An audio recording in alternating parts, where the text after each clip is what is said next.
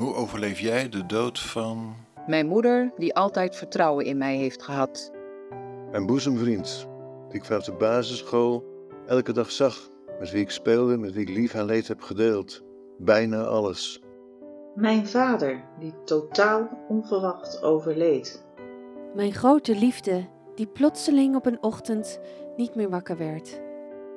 Mijn vrouw van 42, die na een lange leidersweg is overleden.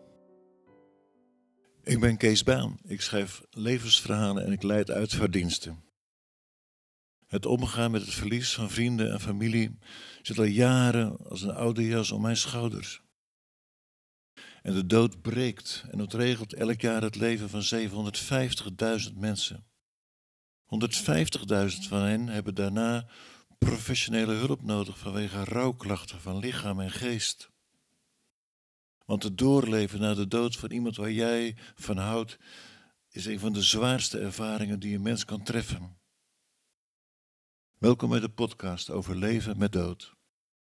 Er is een vaste verbinding, een brug tussen leven en dood. Die twee gaan hand in hand. Dat is een oeroude en algemene natuurwet. Maar de dood van jouw geliefde raakt jou vol in het hart. Dat is exclusief. Dat is een vingerafdruk. En hoe ga je, hoe kun je, hoe moet je daarna verder?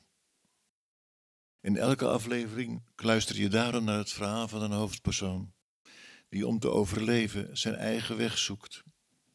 En een rouwtherapeut vertelt daarna hoe je het proces van leegte en gemis zinvol kunt invullen. Deze podcast is een initiatief van de Vereniging Leven met Dood. De vereniging heeft een site, heeft een nieuwsbrief, heeft een chatservice.